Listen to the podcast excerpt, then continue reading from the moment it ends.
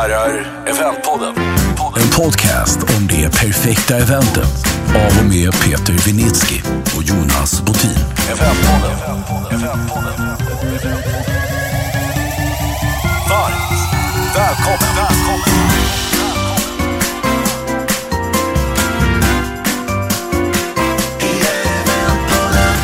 Eventpodden. Nytt avsnitt av Eventpodden. Dags att snacka om ett komplext men ack så viktigt event. Nämligen eh, Pride, eller Europride. Ja. Och vi ska lära oss skillnaden vad det lider.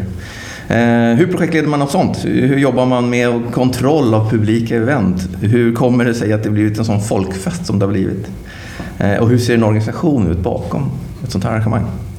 Eh, lite spännande, eller hur Peter? Ja men det är superspännande. Är man eventnörd som, som du och jag är så är ju Pride är ju något speciellt och det sticker ju ut och det är ju fest och det är ju glammigt och det är ju mycket roliga inslag. Och sen jag som är lite sådär kitschigt lagd gillar ju alla de här gamla schlagerlegenderna som alltid dyker upp i de här sammanhangen. Så att eh, Pride och både Europride och vanliga Pride är ju spännande event så att det ska bli kul att prata om. Härligt. Och med oss idag för att, för att berätta hur det funkar och vad som finns bakom är Alf Kjeller, projektledare. Välkommen! Tackar, tackar. Ehm, projektledare för, för Europride i Stockholm och Göteborg 2018 ska vi säga för att vara tydliga. Exakt. Välkommen till Eventpodden. Tack. Vi tänkte börja med några små faktafrågor så vi får veta vem Alf är. Eh, ålder, 52, bor, Stockholm, familj, sambo, två katter, utbildning, gymnasieutbildning och sen har jag jobbat. bra utbildning. Eh, Senaste arbetsgivare eller nuvarande? Jag kör eget, egenföretagare. Gjort länge? Ja, sedan 2012. Men ganska länge. Ja, hyfsat. Några andra uppdrag? Ja, jag har några andra uppdrag också, absolut. Jag jobbar åt en kommun just nu och med offentlig upphandling. Och sen så har jag ett uppdrag som generalsekreterare, hjälper en medlemsorganisation. Och så hjälper jag några företag med deras kommunikation. Så lite projektledning generellt kan man säga att det, Det kan man säga. tråden Jag är. driver allt som projekt. Mm. Eh, några språk som du pratar som vi borde känna till? Nej, jag pratar svenska och engelska. Sen har jag pluggat lite annat smått, men det kan man ju glömma nu. Ja, det där med utbildning är ju överskattat har vi kommit fram till. Det är ingenting man behöver, nej. Jo då. Eh, någon favoritapp som du brukar använda? Sveriges Radio. Sveriges Radio. Sveriges Radio. Eh, vad var det för bilvärmarvarianten var senast vi fick va? Tror du? Va? Bilvärmare var det? Ja, vad var det hon hade? Det var, ja, precis. Hon startade sin Volvo på någon app. så. Från, Ja. ja. Eh, Sveriges Radio låter bättre. Eh, starkaste trenden, projektledning kanske kopplat till det då? Eh, vad, vad, vad säger du projektledningsmässigt? Vad är dina... Vad ser du projektledningen ta vägen någonstans? Ja, gud, den där frågan kan inte jag svara på kan jag säga. Det är inte så lätt. Nej, Den är taskig. är den taskig? Ja, det tycker jag. Trender inom projektledning. Fan, man är ju inte professor liksom. Va? Finns det inga trender inom projektledning? Jag vet inte. Jag tror att den stora trenden inom projektledning är att det är väldigt många projekt som pågår. Man driver väldigt mycket i projekt. Och vi har ju ett sånt samhälle idag där man är många olika aktörer som gör, man, man träffas, man gör ett, en grej ihop. Och det är ju en trend också med alla dessa småföretagare, så som jag själv, att man gör, man gör uppdrag tillsammans. Och då blir ju varje projekt lite olika. Och det kan vara ett kunduppdrag och det kan ju vara en, en upphandling eller det kan vara ett, en festival. Eh, Så jag tror trenden är att vi jobbar mycket, mycket mer som projekt rent generellt. Vi använder de metoderna. De är lite komplexare.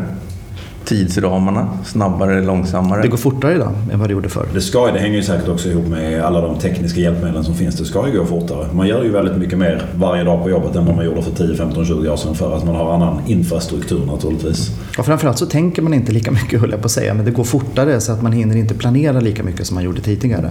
Man får göra väldigt mycket on hook. Det är inga femårsplaner. Inga femårsplaner. Så. Då tycker jag vi fick lite projektledningstrender ändå. Det tycker jag. Det, det, var, Det gick. Ja, det är mycket bra. Eh, Alf, vi brukar börja i den ordningen att, att vi förutsätter att de som lyssnar på, på vår podd inte har någon aning om det vi ska prata om överhuvudtaget. Så, så vad är Europride egentligen för någonting? Europride är en internationell festival eh, och eh, den hålls varje år. Man ansöker som, det, det finns en, en europeisk organisation för Pridefestivaler, EPOA, European Pride Organizers Association. Och som medlem i föreningen så ansöker man om att få hålla ett Europride. Och det är lite som att ansöka om ett OS, man gör det flera år innan.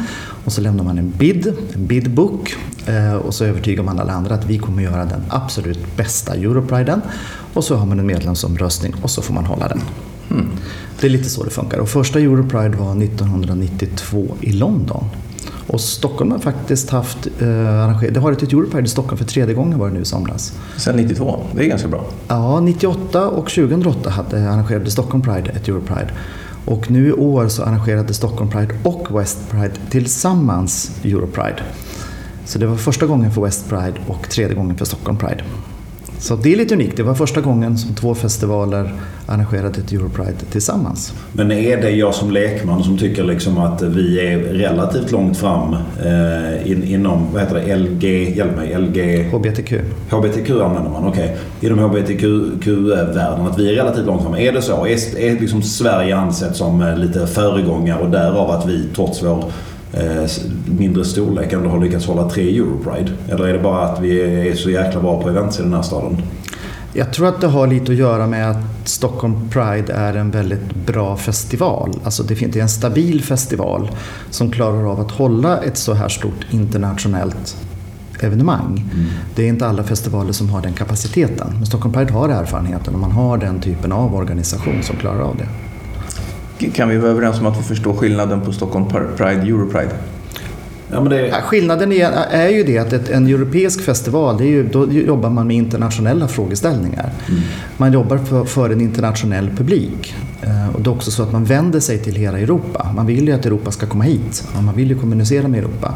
Städerna är också betydligt mer involverade i ett Europride än när det är ett, ett vanligt år. Så Stockholms stad har ju varit högst involverad här i Stockholm och Göteborgs stad nere i Göteborg.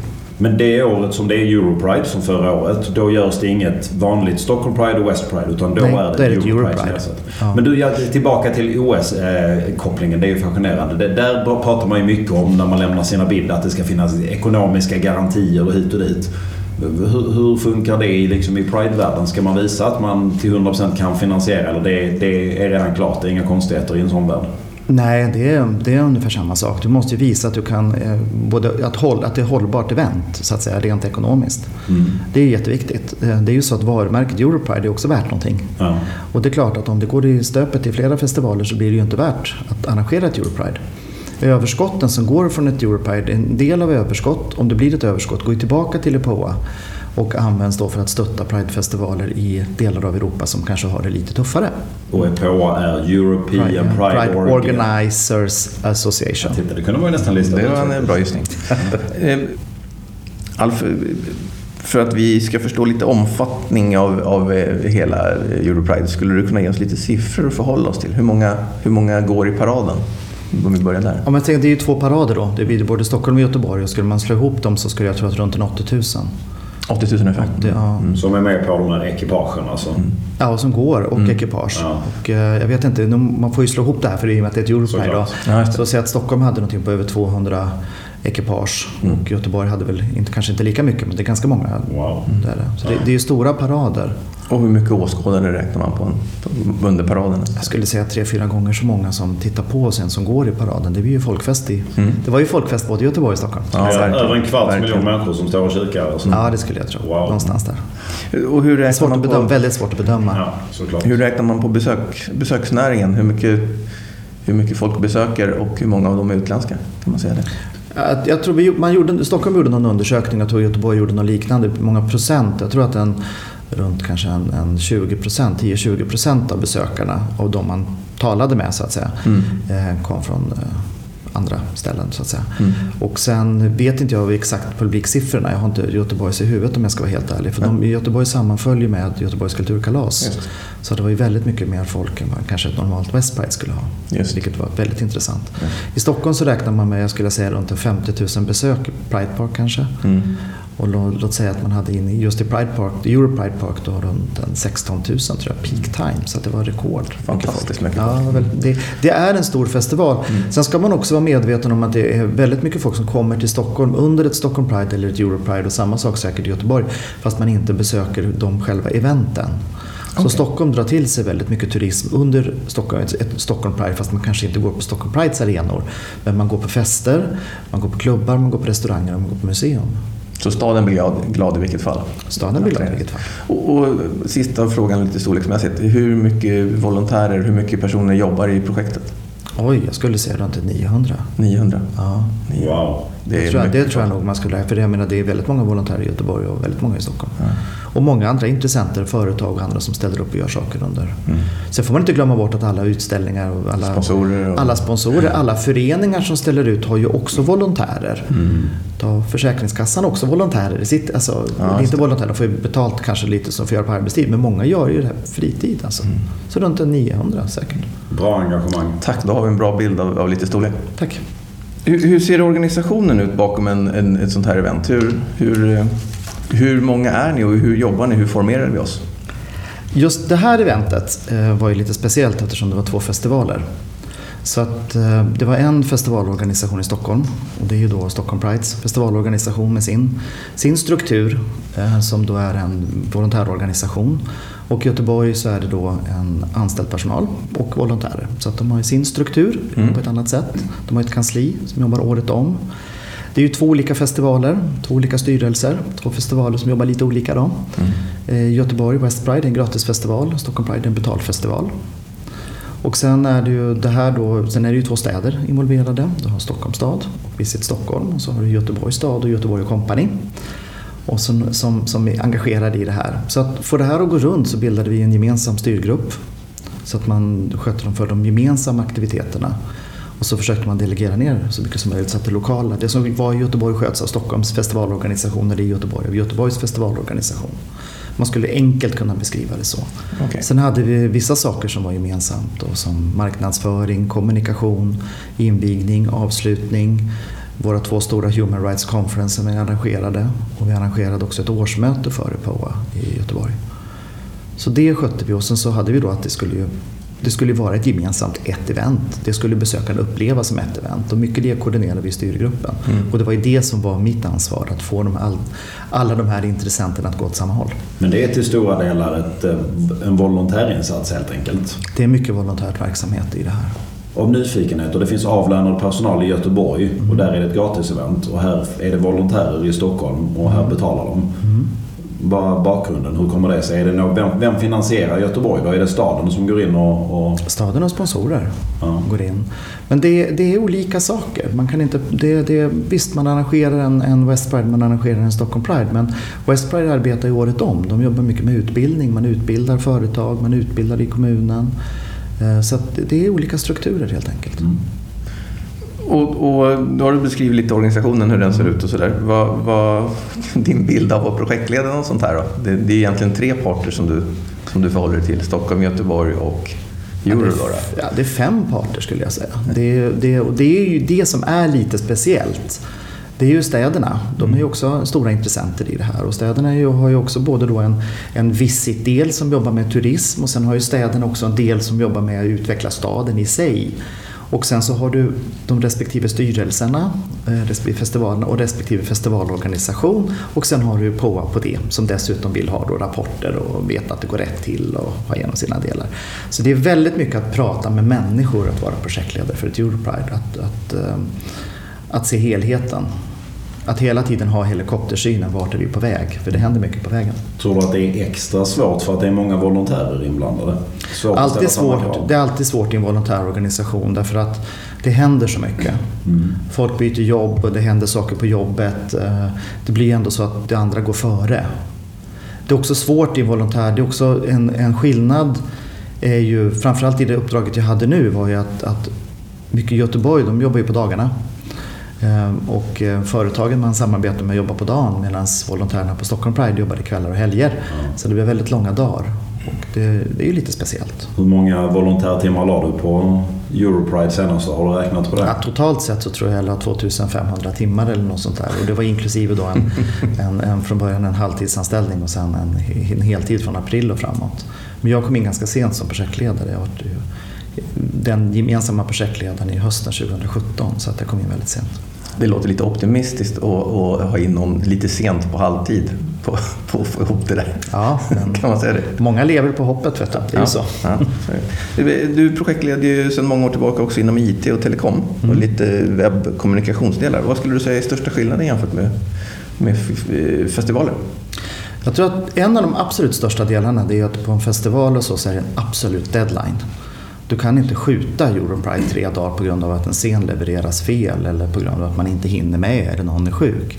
Medan IT-projekt, där, där kan du glida och man kan fatta gemensamma beslut och göra det utan att det påverkar på samma sätt, eh, samma publika sätt.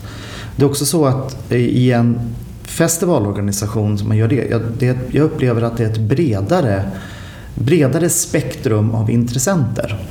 När du jobbar med ett IT eller telekomprojekt då har du ju en viss typ av kategori människor du arbetar med och det handlar väldigt mycket om att få två eller enheter eller tre enheter att jobba ihop. Någorlunda lika karaktärer. När du jobbar med festival då jobbar du med kreatörer, du jobbar med kommunikation, du jobbar med ekonomi, du jobbar med... Du driver ju ett litet företag som du startar upp ganska snabbt, ska funka under en begränsad period och sen monteras ner. Du har inte samma bas som du har när du jobbar med ett IT-projekt. Och det här gör ju att du måste ju hela tiden när du fattar beslut, okej, okay, kommer det här att funka i praktiken, i mörkret, när det regnar om tre månader? Och det är ju lite annorlunda än ett IT-projekt. Alltså får jag fråga mina herrar, har ni sett den här dokumentären på Netflix, Fire? Nej. Nej, jag har inte heller gjort alltså, det. Men... Det är ju årtusendets eh, filmtips för alla eventnördar. Det är alltså en festival som heter FIRE som eh, drivs av en amerikansk entreprenör och han är stöttad av den här Ja Rule, någon, någon musiksnubbe från USA.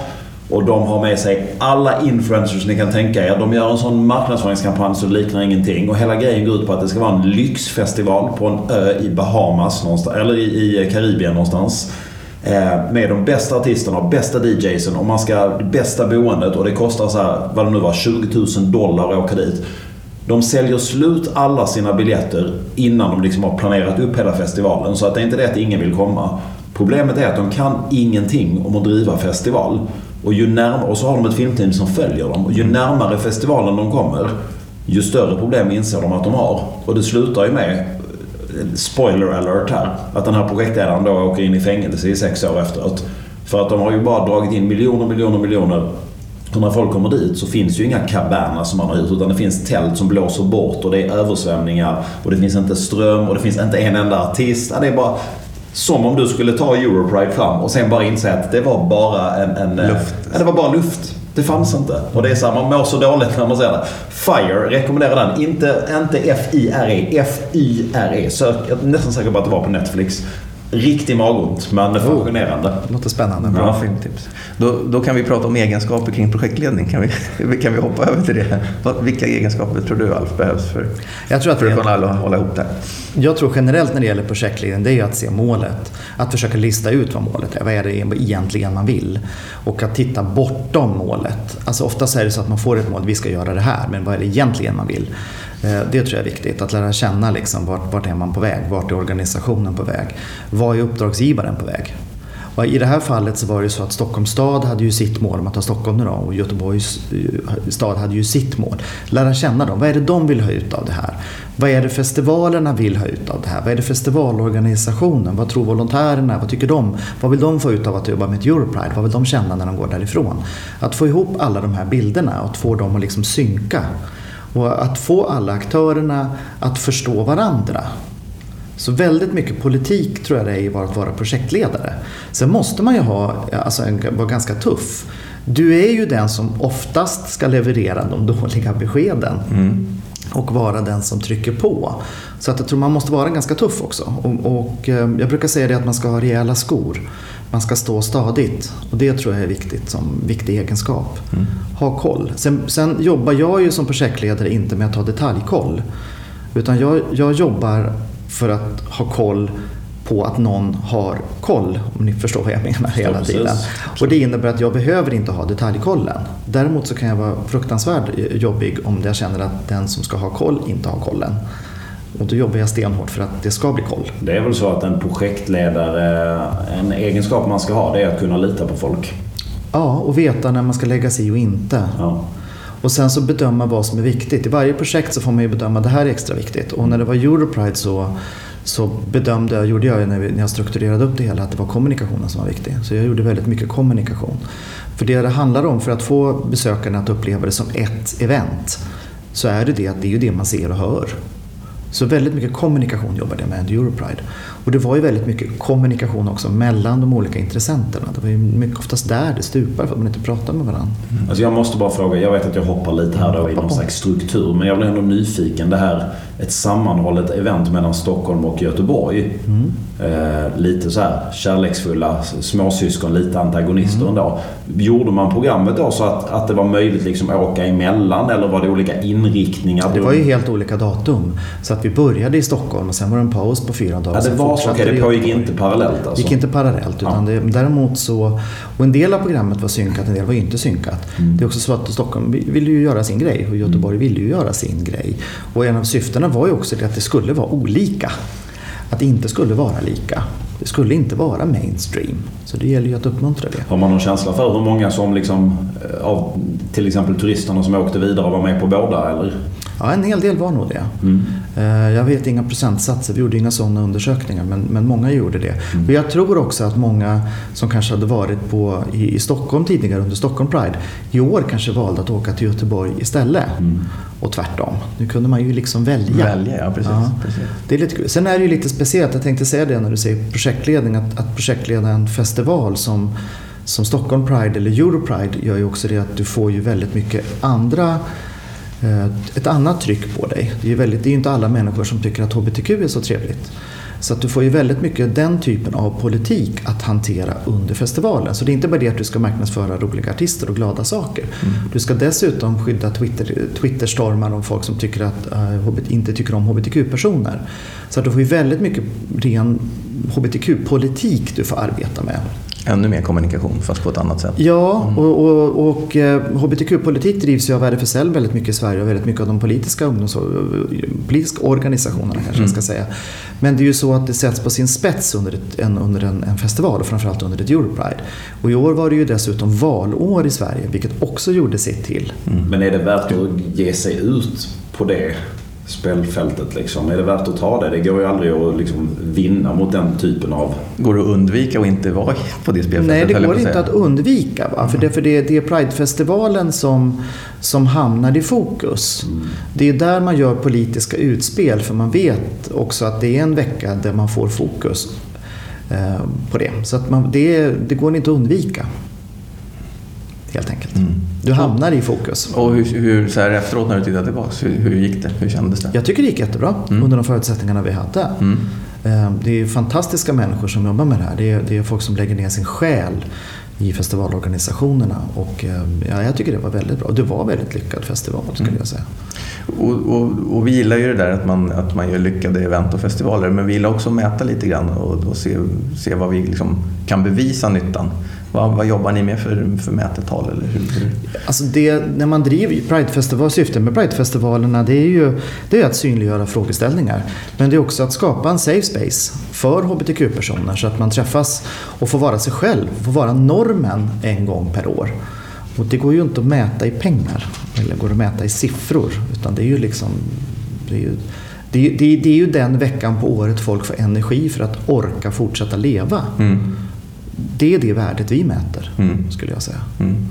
Ja, det går inte att sätta någon, någon siffra på det. Det går inte att göra det. Det här är ju en annan typ, det här är ju en livsstils, livsstilsgrej. Mm. Och det är väl det som är den stora skillnaden kanske mellan olika typer av festivaler. Här jobbar vi också med, med, livs, med, med livet så att mm. säga. Samtidigt som det ska vara roligt. Va? Så är det ett allvar också bakom hela tiden. Mm.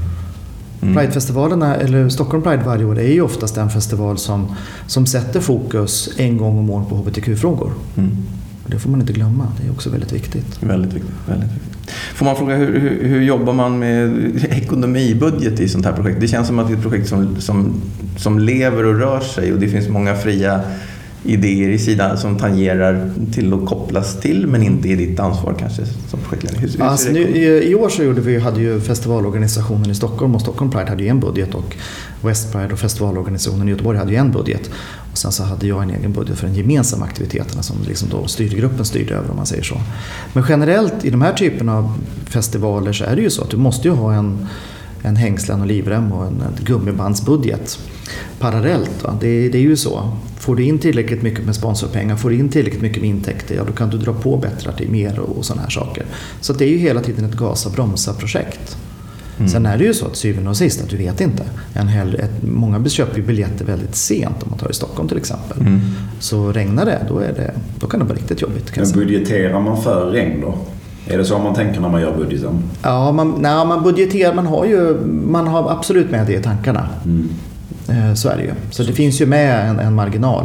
Och jag tror att eh, just Stockholms lycka är det att man, man alltid har en marginal bakom. Om det skulle gå dåligt ett år så klarar man sig. Mm. Men det gäller ju att kunna dra ner på onödigheter. Så är det. Men du sa ungefär 12 miljoner i omsättning. 12 till 16 skulle jag säga. Ja, och, och biljettförsäljningen är största parten. Ja. Och sen är det sponsring? Sponsring och försäljning, alltså utställare och restauranger och sånt. Just det. Det är ju så. Just det. Och vad, vad rör ett huvudsponsorskap sig om? Vilken storlek på pengar pratar vi om? Det kan vara lite olika. Det varierar. Det var ett väldigt diplomatiskt svar. Men ni har ganska starka sponsorer och ganska bra relationer. Ja, det stämmer. Kan du berätta lite om hur? Det är olika då, för nu pratar, jag jobbar ju med Europride. Ja. Så att jag jobbar både med Stockholm och Göteborg. Ja. Och vi är lite noviser, eller vi blandar ju. Vi, vi blandar. Ja, det är ju så att man, är, man kan kan ju vara sponsor för Stockholm Pride eller för West Pride och det är olika förutsättningar, det är olika priser. Det är, alltså, det är två olika festivaler som jobbar på olika sätt med olika innehåll. Ehm, precis som två olika företag jobbar mm. olika. Men eh, det jag jobbade var, det var jag hade, jobbade mycket med de gemensamma partnerna. Och eh, jag kan ju säga att vi hade ju två typer av, eller man skulle kunna kategorisera in dem lite generellt i två olika typer. Det ena är de starka partners som, som jobbar mer ur ett HR-perspektiv. Alltså HR, eh, alltså jobbar med mänskliga rättigheter, jobbar med värderingsfrågor. Och därför vill stötta en Pride-festival och liksom då är mer intresserad av den typen av, inte så speciellt intresserad av att använda våra kanaler för att synas. Mm. Och sen har man andra partners som är mer intresserade ur ett marknadsperspektiv. Man vill nå ut till en HBTQ-målgrupp. Ge ett exempel. Vad kan det ha varit? Volvo? Nej, ni hade säkert något bilmärke som ville exponera sig. Ja, fast jag vill inte ge de exemplen. Det, de talar för själva. Mm, okay. om man säger så. Men det, det, är, det är en skillnad på, på partners. Eh, på det sättet hur man jobbar. Och det är det att man får hantera dem lite olika. Då. Så är det. Mm. Vissa vill synas väldigt mycket. Det är det man är ute efter. Och sen, sen därvid inte sagt att de inte jobbar med värderingar. Jag tror alla, blir man partner till en Pridefestival så tar man också ställning för mänskliga rättigheter. Så att, eh, ja, det är väl inget fel i att vilja kapitalisera Absolut liksom. inte. Det bara det att man som, som festival får hantera. Ja. Det blir andra saker man erbjuder dem helt enkelt. Mm. Kan du ge oss några tips? Den som ska projektleda publika, eller om vi får kalla det för komplexa event med tanke på att, som du sa, mm. valdelen och allt det där. Vilka tips skulle du ge till någon som som eventuellt... Lite som jag sa tidigare, att förstå vad man egentligen vill bakom. Mm. Att vad är det man egentligen man är ute efter? Vad är liksom syftet och målet bortom målbeskrivningen? Att titta lite längre bort. Eh, ha koll på helheten. Det tror jag är det viktigaste i de här komplexa projekten. För det är väldigt lätt att irra bort sig. Eh, och eh, se till att rekrytera bra medhjälpare. Mm. Och rekrytera olika, de som inte är lika dig. Utan de som är annorlunda så att det blir en bra blandning. Det är nog väldigt klokt. Mm. Så, så att, och, ehm, och, försök, och försök blanda kreatörer och organisatörer brukar jag säga. Alltså de här så att du, du får in de här free spirits och så mm. får in de här som är lite mer inboxade i arbetssättet för då får du en bra blandning. Det tror jag är väldigt viktigt. Får jag fråga en sak som jag sitter och funderar på? Mm. Alltså du pratade om regnet här och det kan man ju förstå. Alltså festival, det är ju, jag tror för mig och Jonas är festival, det är lite så här perifert. Vi, vi har nog inte varit inne och gjort någon festival någon av oss egentligen. Mm. Eh, regnet kan man förstå. Vad är de andra stora magonten när man arrangerar en Europride? Ja, säkerheten naturligtvis om det skulle hända någonting allvarligt läge. Men du har ju också sådana här saker som det ska hända något med kommunikationen. Alltså låt säga att tunnelbanan brakar ner. Mm. Paraden genom Stockholm är ett lysande exempel med, med, med vad hade vi, nästan 50-60 000 i paraden och kanske tre, fyra gånger så många som tittar på. Det brukar alltid vara det. Det är rekord varje år. Ja, nej inte alltid varje nej, år. Okay. Så är det ju. Men, men, i år var det väldigt mycket folk. Man säger så då. Mm. Eh, och eh, bara för att alla ska ta sig till och från. Mm. Alltså bara sådana praktiska saker. SL, alla bussar, att informera om att bussar ska ställa... Alltså det är ju en hel del, en hel del som kan gå fel i sådana här delar. Oftast är det det du inte kan påverka. Har man en dialog till exempel med SL då i Absolut, förväg? man har en dialog med SL. Man har väldigt, alltså, eh, både Stockholm och Göteborg, både West Pride och Stockholm Pride har ju väldigt bra samarbete med ordningsmakten. Mm. Man jobbar året runt med det tar det på väldigt stort allvar. Man jobbar väldigt bra med städerna så det är ju ett bra samarbete som mm. sker. Med, med alla aktörerna. Jag vet att i Göteborg samarbetar man också med Västtrafik så det är ju det är bra samarbeten skulle jag säga. Så, så infrastrukturella utmaningar är sånt som man Det är ju sånt, ja festival. låt säga att du måste gräva upp en gata när paraden ska gå. Det är för att det är en gasläcka. Ja, men alltså, ni förstår, det är mycket som kan hända. Men alla, i. Stockholm är väl alla vägar uppgrävda hela tiden ändå känns det som. Så att det är, Ja, det är en ständig utmaning. Jag, jag ska säga vi har ett väldigt duktigt paradgäng som, som, väldigt duktigt gäng som jobbar med paraden. Det, det måste jag säga. De gör ett väldigt bra jobb. Och de, de, eh, Det är lite som orientering, de får snitsla om banan ganska ofta. Hur, hur säkrar man i, i själva de här, hur många ekipage, du sa det var 50 000 i, hur många ekipage är det? Flera hundra ekipage? ja, runt över 200 ekipage. Hur säkrar man att det är liksom vettiga grejer som kommer där så att inte det är liksom Du några- får ju ansöka om att ha ett ekipage i paraden. Ja. Och då får du liksom, blir du godkänd. Mm. Och så måste du stå bakom festivalens värderingar. Det är väldigt viktigt. Jag tänker någon som vill jävlas kan nog smyga sig in ändå om de Det kan man alltid göra. Har Det det, hänt eller? Det... Ja, det har hänt. Ja. Det, det är ju väldigt svårt i och med att det är ett öppet event. Vi kan inte hindra folk. Det är ju en demonstration. Vi kan inte hindra folk. Va? Vi kan hindra folk att förstöra för andra. Mm. Men det är ju en demokrati vi lever i. Om, om du får titta lite framåt, eh, om du får välja Europride eller, eller Stockholm och West Pride. Hur kommer den se ut fem år framåt i tiden kanske? Jag tror, eh, jag tror Stockholm kommer att växa som festival och kanske bli mer in, eh, internationellt intressant. Men jag tror också att West Pride kommer att bli en betydligt mer internationell festival än, än vad den har varit tidigare. Nu går man tillbaka, förra året var ju lite speciellt för då samarbetade ju West Pride med Göteborgs kulturkalas. Eh, Så att de låg ju samtidigt, sammanföll ju som det så vackert heter. Eh, Och gjorde det att, att fler människor i Göteborg kom på Europride än vad man kanske annars skulle ha gjort. Vilket jag tyckte var helt fantastiskt. Och just den blandningen. eh, Det kommer de göra framåt också? Nej, man kommer inte göra det i år. Nej, okej. Men jag tror att Göteborg, man fick fokus för Göteborg ute i Europa. Och jag tror att Göteborg kommer att bli en mycket, mycket mer internationell festival än vad det är. Än vad man hittills tycker är jättekul faktiskt. Du, eh, vi brukar alltid prata lite bloopers när någonting går ganska tokigt och ingenting vill sig. Det måste finnas hur mycket som helst. Alltså. Ja, alltså, vi det- förväntar oss godsaker nu. Ja, En timme, kör! Nej, jag har inte så mycket jag, jag kan säga för jag var ju inte ute i själva verksamheten på det sättet. Men visst har vi haft problem med artister som fick ligga i bilar för de var för långa, för de inte kom in till parken. Och många herrans år sedan så var det drugor som sov under scen. Det var 2000 till exempel som kom på morgonen så var det någon som hade somnat. Ja, men men så är det ju inte nu. Nu är säkerheten betydligt högre än vad det var i början på 20-talet. Jag tror den värsta bloopersen jag gjorde var att jag skulle hålla ett föredrag i Budapest på en turistmässa. Det var första gången på deras turistmässa man skulle ha en, en, en HBTQ, en LGBT corner, gay corner. Vilket är ganska kontroversiellt i Ungern eh, faktiskt. Och då skulle jag prata och eh, glömde helt bort att det skulle tolkas. Så att det där seminariet när alla skulle prata en kvart tog ju en halvtimme för varje person i och med att allt skulle tolkas också till ungerska. Ja, så att jag tror att det rev av min föreläsning på fyra minuter och jag tror att han får in både BDSM och kinky-kvarter och läder. Eh, Vilket var lite halvkul då när han skulle tolka det på ungerska. Då. Oj, oj. Stackars. Men, men andra, nej, jag har inga juicy bits för i år, det har jag inte. Jag vet att de finns, men de tar vi efter inspelningen. Ja, men precis, precis. Men då kanske vi kan avsluta med, du ska till, eh, till USA eh, i sommar berättade du. Ja, jag ska till USA i sommar. Eh, Jag Till ett jubileum. ja, jag ska till World Pride ehm, i sommar. Det var ju 50 år efter Stonewall-upproret när hela Pride-rörelsen började. Just. Pride-rörelsen börj- började ju faktiskt som en, en, en kamp. Det är ju en kamp. Mm.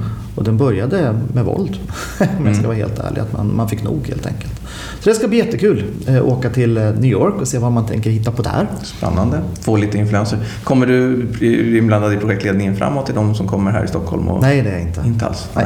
Nej. Redo för nya uppdrag. Redo för nya uppdrag? Ja. Alltså jag var i San Francisco. Har du varit i San Francisco? Nej. Jag var där i somras i Harvey Milks gamla kvarter. Ja men shit vad häftigt. Jag var och hälsade på min kusin. Som är gay och som bor där och som flyttade dit. Bara, jag vill leva gaylivet. Och så gick vi runt där. Och jag tyckte så här, fan det här känns inte liksom min, min bild av hur ett, ett, en gay, ett gaystadskvarter skulle vara. Men det var inte alls så. Liksom. Det var väldigt så modest och hit och dit. Och han sa det här är ju på riktigt. Då kommer inte ihåg vad den, sta- vet du vad den stadsdelen heter? Nej, jag kommer inte ihåg det nu. Nej men det är så här, this is the genuine liksom, Mm. eh, gay quarters. Och det var bara som att komma in i en annan värld men ändå en, inte på något sätt. Det var eh, otroligt fascinerande. Det var bara en känsla i de här kvarteren. Fasen att jag inte kommer ihåg vad de heter. Men eh, ja, om man skulle vilja åka till San Francisco till de här kvarteren. Vet du? Sitter du och trycker på det? Ja, men vi var där, jag var ju där med ett gäng i eh, oktober, men jag kommer inte på vad det heter. Varför. Men, men, eh, men du, blev- du, det levde inte upp till de förväntningarna du trodde, eller det var inte riktigt Nej, så? men jag tänkte ju så här liksom, i min schlagervärld liksom, att här kommer det att vara blinkande neonskyltar från morgon till kväll. Nej, det var det absolut inte. Liksom. Okej.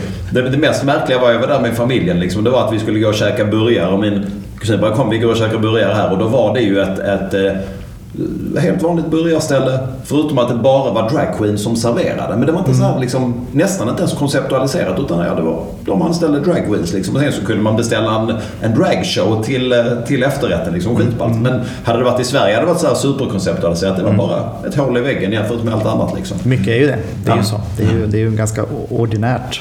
Ja, det var häftigt. Rekommenderas trots att jag inte kommer ihåg vad det heter. Jag ska lägga upp det på Facebook-sidan det. Mm. så får man till det. Så. Eh, Alf, tack för att du ville vara med oss. Tack själva. Kul Tack för att jag fick komma. få lära sig. Eh, vi rekommenderar alla att eh, besöka Stockholm Pride, West Pride i Absolut. sommar. Eh, och lyssna på Eventpodden såklart. Tack Peter. Tack själv. Tackar. Tackar. Tack så mycket.